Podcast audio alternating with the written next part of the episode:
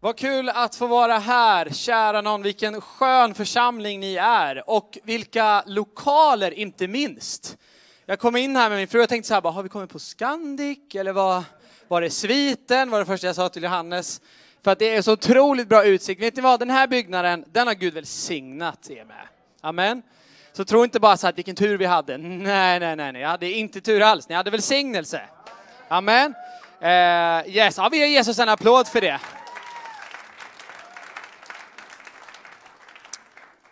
Det är ingen tough crowd det här, det är bara att säga vad som helst så klappar ni. Och, pff, skönt.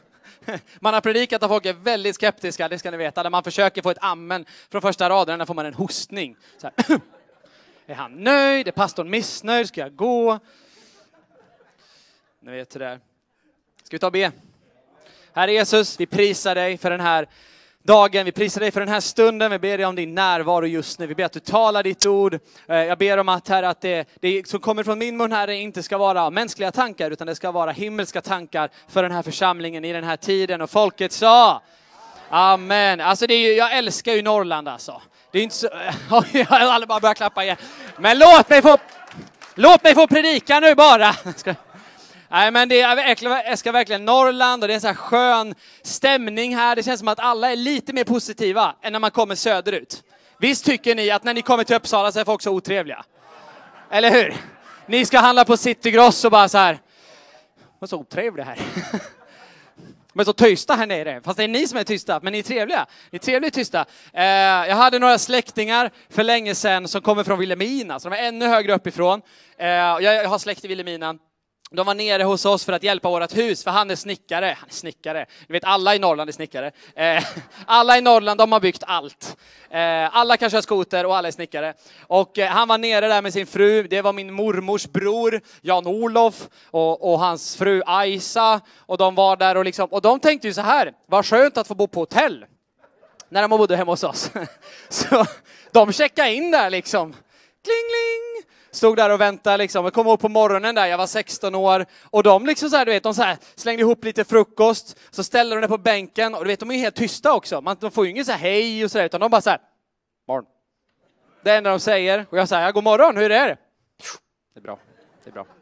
Och så ställer de så här, och så, ja, så går de där med sina liksom, du vet, höfter som de har, de har kört alldeles för länge, i allt för många år. Skulle pensionera sig för 20 år sedan. De går där liksom, ställer ställer liksom frukosten på bänken och så tittar de på mig och liksom så här.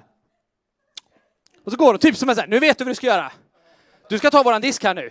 Jag är 16 år, de är hemma hos oss, så jag får stå där och bara stå där och, och ta deras disk. Och det är härligt med norrlänningar. Nej, du kanske inte känner igen, det kanske bara är mina släktingar. Uh, har du din bibel med dig? Då ska, vi, då ska du få slå upp Lukas evangelium tillsammans med mig. Lukas 7. Är du vaken? Ja, några sover. Är du vaken? Ja. Lukas evangelium kapitel 7 så ska vi läsa några verser där för att börja den här predikan. Vers 1 till 7. När Jesus hade hållit hela sitt tal till folket som lyssnade så gick han in i Kapernaum. En officer där hade en tjänare som var sjuk och döende. Han uppskattade tjänaren mycket och när han fick höra om Jesus så sände han några av judarnas äldste till honom och bad honom komma och rädda hans tjänare. De kom till Jesus och bad honom ivrigt. Han är värd att du gör det för honom, för han älskar vårt folk. Och det är han som har byggt synagogan åt oss. Jesus gick med dem. Han var nästan framme vid huset när officeren skickade några vänner och lät hälsa honom. Herre, gör dig inte besvär. Jag är inte värd att du går in under mitt tak. Därför tycker jag mig inte heller värd att komma till dig. Men säg ett ord, så blir min tjänare frisk. Säg ett ord. Säg efter mig, säg ett ord. Vänd till din granne och säg, säg ett ord. Vänd dig till den andra grannen och så säger du, säg ett annat ord. Så här är det, när vi inte vet vägen, när vi är i kanske svårigheter, när vi är förvirrade, när vi inte riktigt vet vad är det Gud verkligen vill, så behöver vi inte en lösning genast, utan du behöver ett ord. Vi behöver ett ord på vägen. När jag var 17 år och, och, när de här bodde hemma hos oss, runt i den, i den, i den tiden när jag stod där och diskade, eh, så började jag drabbas av, eh, jag började bli sjuk, jag började få febertoppar om dagarna. Man visste inte riktigt vad det var, vi tänkte det var någon influensa. Eh, men eh, det här blev bara progressivt liksom värre, för vecka efter vecka, till slut så kunde jag inte gå i skolan längre, till slut så kunde jag inte äta längre och jag bara krä- kräktes. Och, och eh, jag hade under några år innan lidit av liksom reumatiska saker med svullnad i leder och utslag över kroppen och, och haft en ganska jobbig tonårstid, eller en väldigt jobbig tonårstid. Och ehm, Eh, mina föräldrar körde mig till slut till sjukhuset och, och de tog mina värden och då sa de direkt, vi måste upp. Vi måste upp nu, vi måste upp på intensiven just nu. Och det visade sig att mina, mina värden var så otroligt, otroligt dåliga att det var snarare liksom timmar eller dagar innan min kropp inte skulle orka med mer. Eh, jag hade fått en autoimmun liksom inflammation i min kropp kallas det. Och det betyder att immunförsvaret bryter ner cellerna.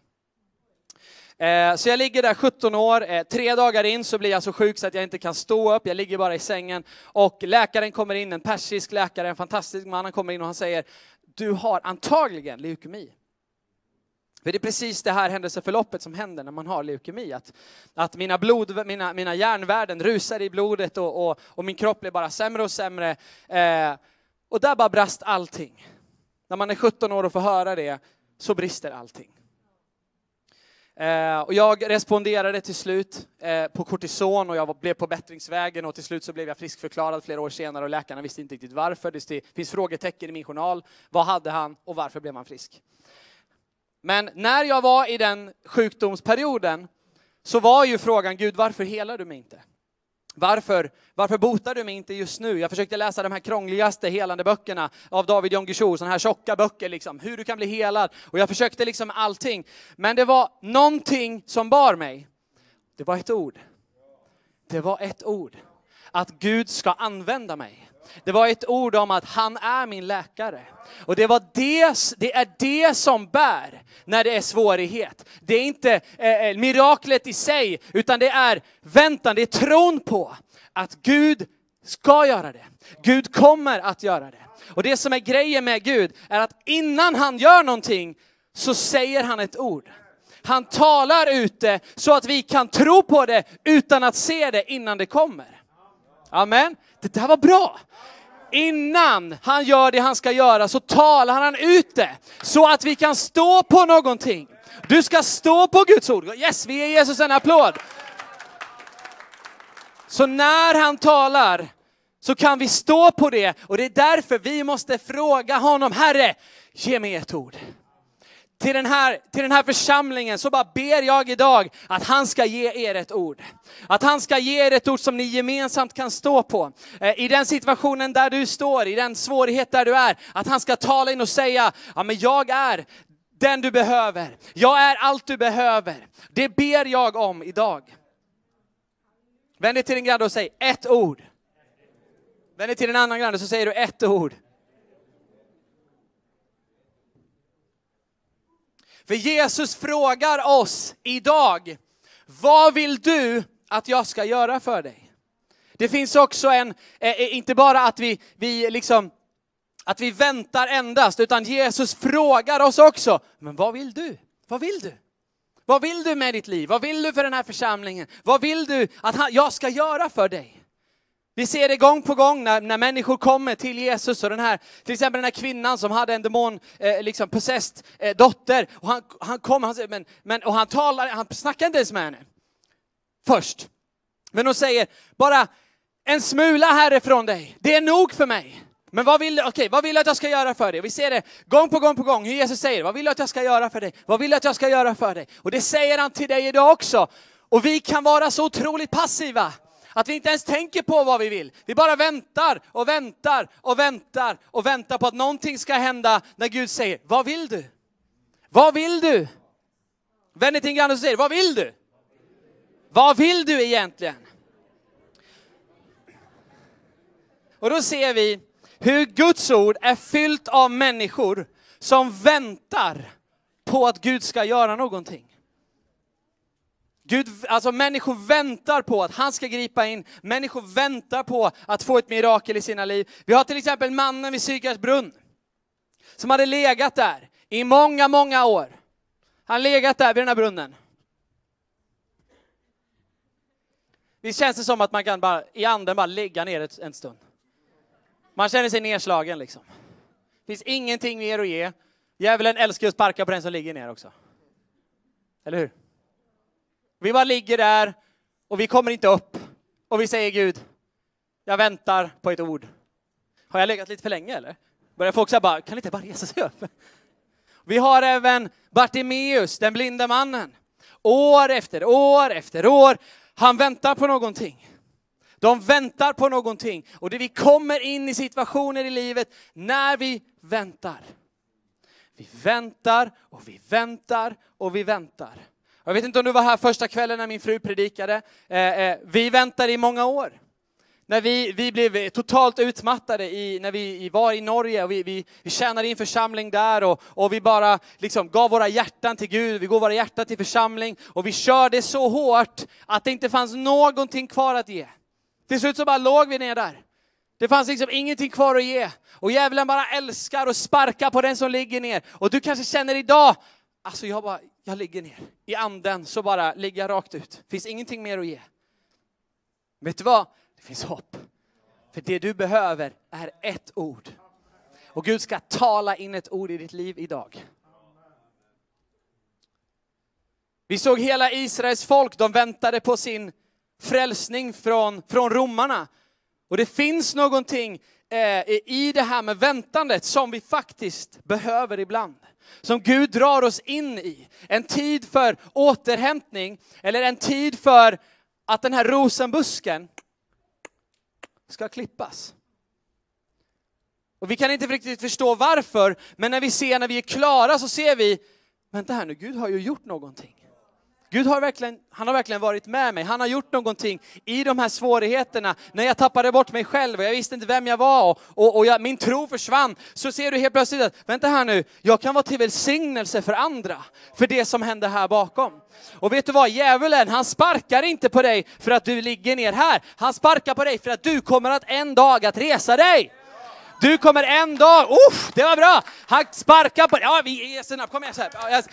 Han sparkar på dig, inte för där du är idag, utan för dit du ska gå. Han ser på mer potential i dig än vad du själv gör. Han ser mer potential i dig för att det inte är du själv, utan det är för han som bor i dig.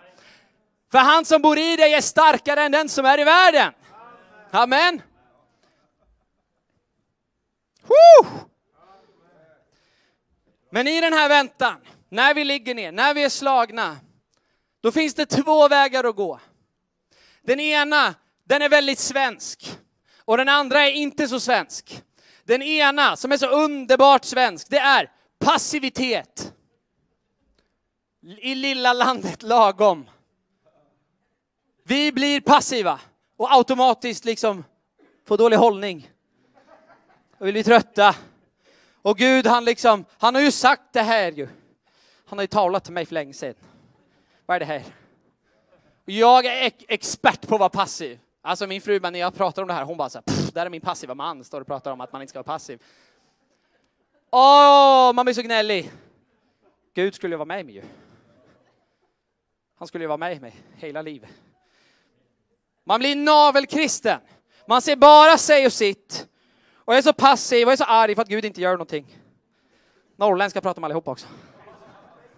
Nej, fel, fel, fel, fel, fel. Vad pratar de? om? pratar göteborgska. Gud skulle vara med mig ju. Säg inte det här till Lia. Och du vet, det bara växer upp en sån här bit, det kan växa upp en sån här bitterhet. Ni vet Stefan Salomon som alltid den sataniska ekorren på insidan som kommer Murvinen. Kommer ni ihåg den? Jag vet inte om du kommer ihåg den. På insidan så kommer en liten satanisk ekorre som heter Murvinen. Som bara, åh, vad livet är jobbigt. Åh, livet är svårt att leva. Du vet, det kan bli så, och det blir så lätt för att vi, vi vill ju någonting mer. Vi vill ju betyda någonting. Vi vill att Gud ska göra någonting. Och vet du vad du behöver då? Du behöver gå från passivitet till desperation. Du behöver bli lite desperat min vän. Och det är inte så svenskt. Åh, desperation finns inte i Sverige. Folk bara så här, jag ursäkta här, mitt, mitt hus brinner här borta. Du vet, de är så ödmjuka i Sverige att desperation ska inte finnas. Man kan ha hur jobbigt som helst. Och det är så här bara, ursäkta, skulle jag kunna få låna lite vatten? Mitt hus håller på att brinna upp här borta. Så, så liksom Passiva är vi i Sverige. Och i andra länder, då är man så otroligt desperat. Och i hela sin känsloliv och man är så otroligt desperat och så kommer de till lilla Sverige där alla går omkring så här på Hemköp och bara är passiva. Så behöver vi, vi i våra kyrkor, vi behöver bli lite galet desperata. Vi behöver bli desperados, my friend. We need to get some desperate going on here. Amen, Tyler. För när jag, när mina barn, de är underbara, de sitter där nere, kan vi inte ge dem en applåd? Lloyd och Clea där. Yes! De är underbara och ibland så bråkar de lite, men det gör vi allihopa, eller hur? Och så säger jag och min fru kanske så här, ja men alltså om du fortsätter så här, det blir ingen lördagsgodis. Då kommer desperationen! Pappa snälla! No! Min son har börjat göra nu så, så här, no! Så bra! Ja! Exakt, no! Och så säger de alltid, are you kidding me? Det är så bra. Men det är så här, när, när vi säger då, nej men det blir ingen lördagsgodis, då kommer den där desperationen. De blir desperata, snälla pappa, jag gör vad som helst. Och vi behöver det också, snälla pappa, jag gör vad som helst.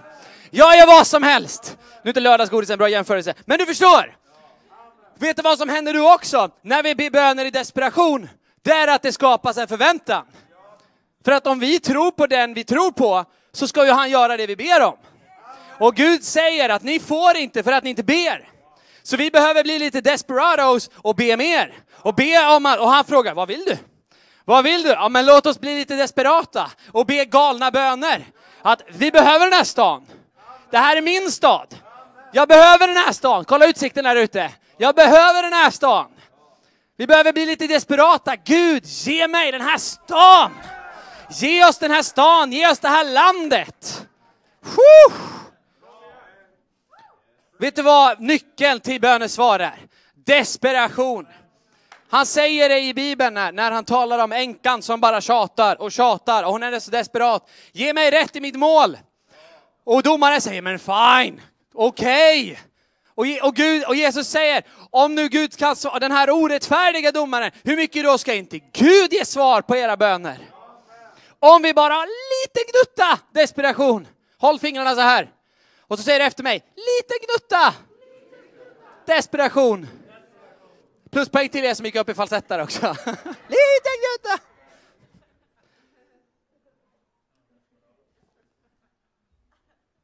Det är, alltså det, det är liksom, ni behöver inte vara oroliga för att bli för desperata, för vi svenskar kan inte bli för desperata. Vi kan bli lite bara. Lite desperata. Lite galna. Tack och lov så har ni så mycket sydamerikaner här. Ni behövs alltså. Woo! You guys know how to be liksom bara poof, all in liksom. Amen, halleluja. Nu behöver vi i Sverige sluta, vi behöver sluta gnälla. Vi behöver bli desperata och vi behöver tala ut Guds ord. Vi behöver sluta eh, eh, gnälla här om hur livet borde ha varit och, och, och, hur illa det är med omvärlden och hur illa det är med våra församlingar. Vet du vad, jag träffade en man en gång. Han sa så här, han var från Östergötland. Han sa så här, du jag har varit med i tio olika församlingar, jag vet när något är fel.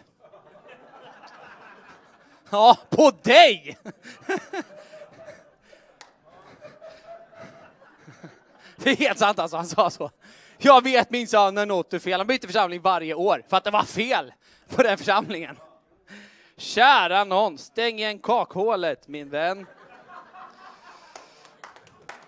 Jakobs, Jakob, han sa, jag släpper dig inte förrän du välsignar mig. Och när vi ligger ner och vi säger så kan vi säga så här, djävulen, vet du vad?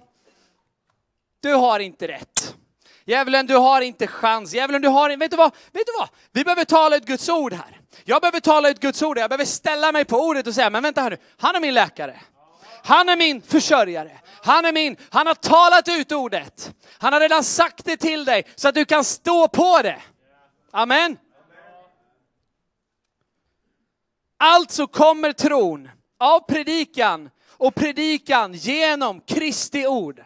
Och vet du vad mitt evangelium säger? Hans, det säger att om du behöver helande så är han din läkare.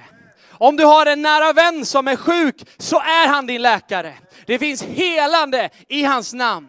Det finns kraft i hans ord. Om du är deprimerad så är han ditt ljus. Om du inte vet var du ska gå någonstans så är han ljuset på din stig. Amen. Om du är vilse eller om du är modlös så ger han dig hopp. Det är det evangelium jag tror på. Det är det du behöver tala ut över ditt liv. Det är det som du behöver istället för gnället här borta med den här murvinen som bara vill trycka ner och dra ner. Så behöver vi det som är här. Vi behöver att stå på ett ord som är sant och tillförlitligt och vi kan lita på det. Vet du vad? Dina barn, de ska gå med Herren. De ska gå med Gud. Och den här människan du har bett för så länge, den ska bli frälst. Tala ut det ordet och ställ dig på det och säg Herre, jag ska bli desperat för den här människan. Jag kommer inte att ge mig förrän den är frälst. Jag kommer inte sluta be förrän den här stan blir frälst. Låt oss bli, get some desperate going on here. Please church. Puh. Don't give up. Don't give in. Och ordet blev kött och bodde bland oss, står det i Johannes. Och vi såg hans härlighet. Den härlighet som den enfödde har från Fadern. Och han var full av nåd och sanning. Och vet du vad som är fantastiskt? För när vi läser i Gamla Testamentet så har de ju den eh, ganska liksom ritualistiska relationen till Gud, där de behövde göra vissa saker. Men vi har fått fullt tillträde till Fadern genom Jesus Kristus. Så you don't need a word my friend, you need the word. You need the word. För att i honom så har Guds löften allihopa fått sitt ja. Du behöver möta Jesus min vän. Du behöver tala ut Jesu namn över din situation min vän. Jesus, Jesus. Du behöver ett ord. Och det namnet, det är Jesus. Alla Guds löften har i honom fått sitt ja. Joy has a name. Frid har ett namn. Helande har ett namn. Och det namnet, det är Jesus Kristus. Amen. Preach it. Och Jesus säger till den här officeren, aldrig i Israel har jag sett en sån tro och din tjänare ska bli frisk. Och i det han säger, ordet frisk, så blir tjänaren helad. När vi talar ut det, när han säger till Lazarus, så, så, så säger han i hela den situationen, och vi kan också mötas av den här Lazarus-situationen, när någonting har dött i våra liv. När någonting som vi trodde som skulle vara inte blev till och vi säger, Jesus om du bara hade varit här, så hade han inte dött, så hade inte den här drömmen dött. Det här, det här som jag trodde som skulle vara vid liv, det har dött nu. Och så säger Jesus att det är bara för att vi ska få se Guds ära i det hela. Och när han kommer till graven så ber han att den ska öppnas och så säger han Lazarus, kom ut! Och Lazarus stapplar ut där, precis som Patriot gjorde här med sina liksom, med sina mumien, liksom, du vet helt inlindad. För att om inte Jesus hade sagt Lazarus, då hade varenda grav öppnats och varenda människa hade klivit ut. För det finns liv i hans namn. Så han behöver säga Lazarus, kom ut. Och bara en brödsmula är nog. För vi kan ofta vara så här, Jesus, ge mig en brödsmula. Ge mig bara någonting litet. Men det du inte förstår är att en brödsmula är nog. En brödsmula är så mycket mer, en brödsmula är hela Övik. Vi måste ha större tro min vän på att Gud är den han säger att han är. Amen. Ni lovsångare kan komma upp här.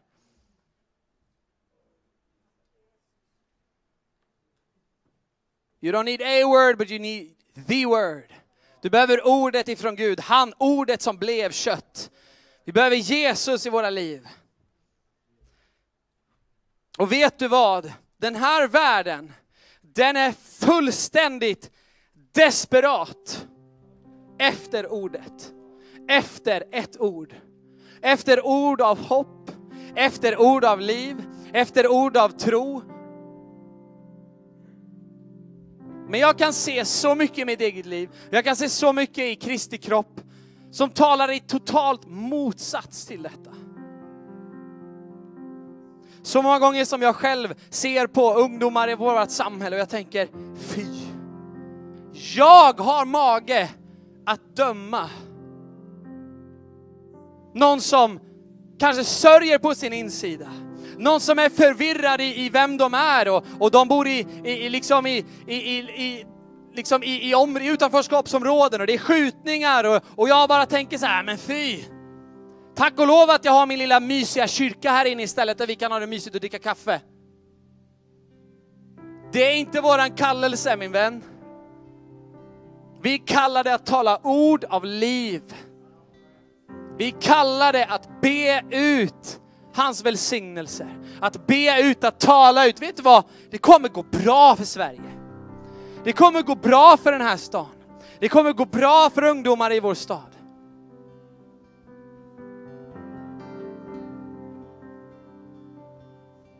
Det finns hopp för alla de här gängen. Det finns hopp. Och jag tror att mycket sitter i Sebastian Staxet och den, den tjänst som han gör. Var med och be där, fortsätt be. Det finns hopp och det är inte av en slump, sa jag till bröderna här igår, att, att ni är här från Stockholm också.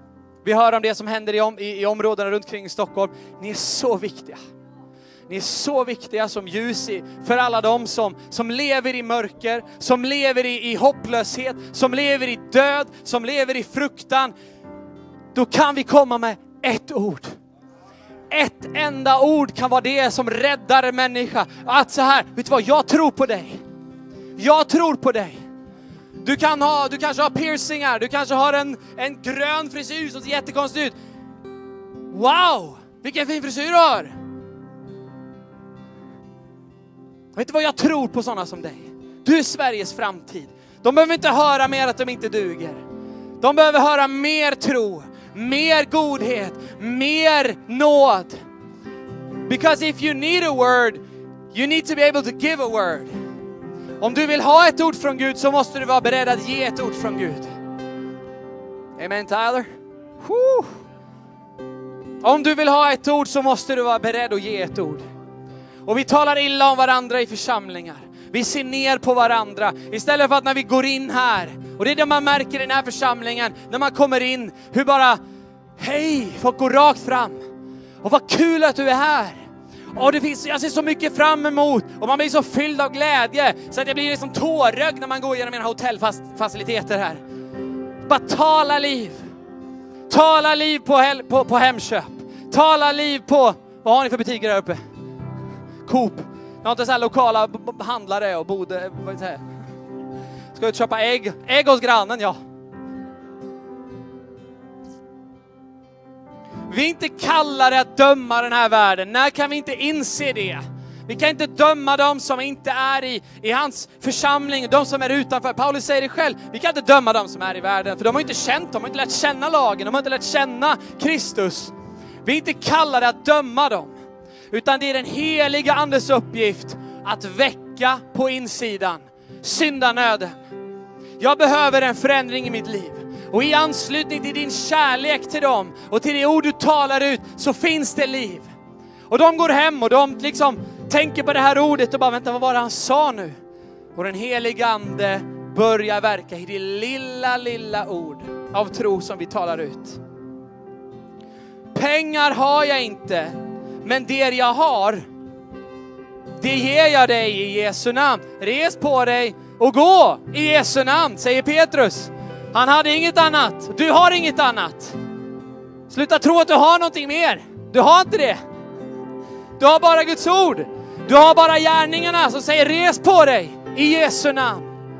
Bli botad i Jesu namn. Var välsignad i Jesu namn.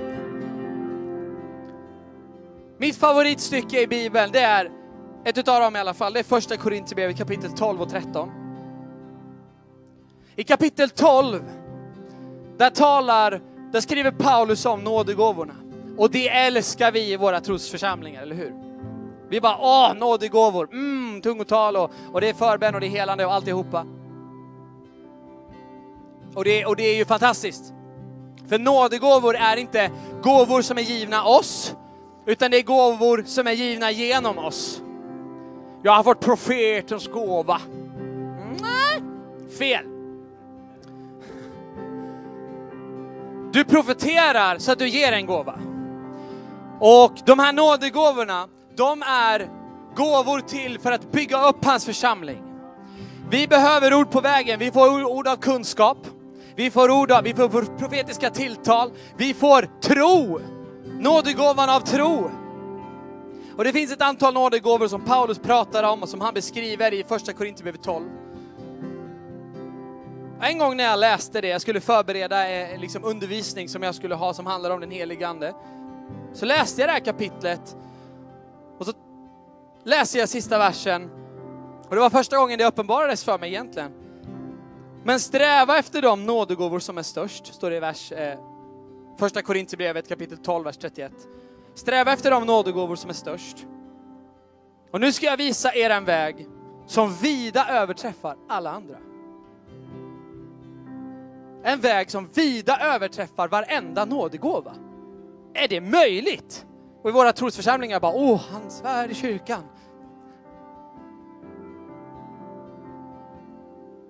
Och vi går vidare till kapitel 13, där det står om kärlekens väg.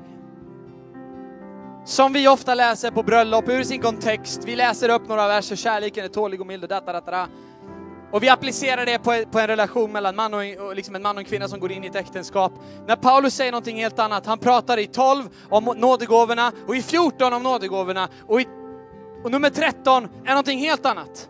Så fortsätter han, om jag talar både människors och änglars språk men inte hade kärlek, är jag bara en ekande brons eller en skrällande symbol. Om jag hade en profetisk gåva och vet alla hemligheter och har all kunskap, och om jag har all tro så att jag kan flytta berg, men inte har kärlek, så är jag ingenting. Om jag delar ut allt jag äger, jag offrar min kropp till att brännas, men inte har kärlek så vinner jag ingenting. Kärleken är tålig och mild. Kärleken avundas inte. Jag skryter inte. Jag är inte uppblåst. Jag beter mig inte illa, jag söker inte mitt. Jag brusar inte upp. Jag tänker inte på det onda, jag glädjer mig inte över orätten. Jag gläds med sanningen. Allt bär den, allt tror den, allt hoppas den. Kärlek är ju bara egentligen en produkt av, av hans närvaro och är någonting som är i våran karaktär. Det är inte en, det är inte en, en kemisk formel och ett, ett glas med kärlek, utan det är hur vi gensvarar på saker och ting. Det är våran karaktär, det är den han gör oss till. Och när vi är mer lika honom så uppfylls vi av hans kärlek. Och då är frågan, kan jag byta ut mitt, mig själv? För jag ser så mycket ont i mig själv. Jag ser så mycket fördömelse i mig själv, att jag dömer andra, att jag ser ner på andra. Jag beter mig inte illa. Jag brusar inte upp, jag Och den här världen, den är inte ute efter perfekta kristna. Den är inte ute efter perfekta dömande kristna som säger du måste vända om till Jesus. Endast. Utan människor som ser dem med en kärlek så intens att de undrar vad är det här? Vad är det jag ser i den här människan? Inte bara vad jag hör, vad är det jag ser? När jag var ungdomsledare i Norge så tog en av ungdomarna med sig en, en kille som heter Knut som sen gick bibelskola, och han är frälst idag. Han var för första gången på en kristen samling och efter några veckor så blev han frälst, han blev döpt i den helige ande och så vidare. Och när vi frågade honom liksom, men vad var det liksom som gjorde att du kom till tro? Han sa, det var bara någonting jag såg. Det var inte någonting jag hörde. När jag såg er, hur ni behandlade varandra, hur ni talade till mig, när jag såg att ni var glada, jag såg att ni hade någonting djupare, så tänkte jag, det där vill jag ha. Människor är så desperata efter det du har. Och vi behandlar det som om vi vore murvinen här borta. Arga och bittra på andra kristna, arga och bittra på att inte livet blev som ni ville. Vet du vad, du har hopp på din insida. Den här världen behöver ett ord och det är Jesus. Den här världen behöver ett namn och det är namnet över alla andra namn. Kan vi ge Jesus en applåd för det? Vi behöver tala ut Jesus över den här stan. Vi behöver tala ut över den här församlingen och jag tror att det finns någonting som ska vakna ännu mer i den här församlingen. Att människor som kommer utifrån, de har konstiga kläder, de har läderjackor. Tyler har läderjacka, du har också läderjacka. De har konstiga kläder, de beter sig konstigt och kanske står och röker utanför. Och fy vad hemskt! Och de luktar rök och det luktar annorlunda. Och vi säger välkommen in till Guds hus. Och de har problem med droger och de har haft det ena och det andra. Och de är inte perfekta alls. För de, när de ser dig så tänker de, ack och ve mig människa. Och vi kanske tänker, i alla fall inte som han. Som farisén. Men en gick hem rättfärdig. Han som slog sig för bröstet. Och det är min bön att jag aldrig slutar att tänka ve mig. Jag är så brusten. Jag har så mycket fel i mig. Herre, du måste hjälpa mig. Du måste tala in i mig. Kan vi ta och resa oss upp?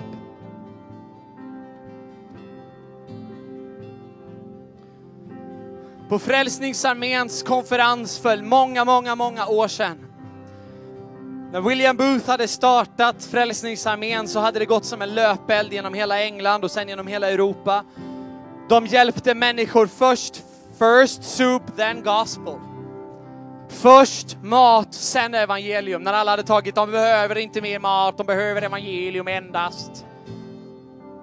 Så var William Booth tvärtom, han var ute på gatorna och hjälpte barn och, och, många år senare när Frälsningsarmén hade vuxit så var det en konferens i, i, eh, i, jag tror det var i USA någonstans.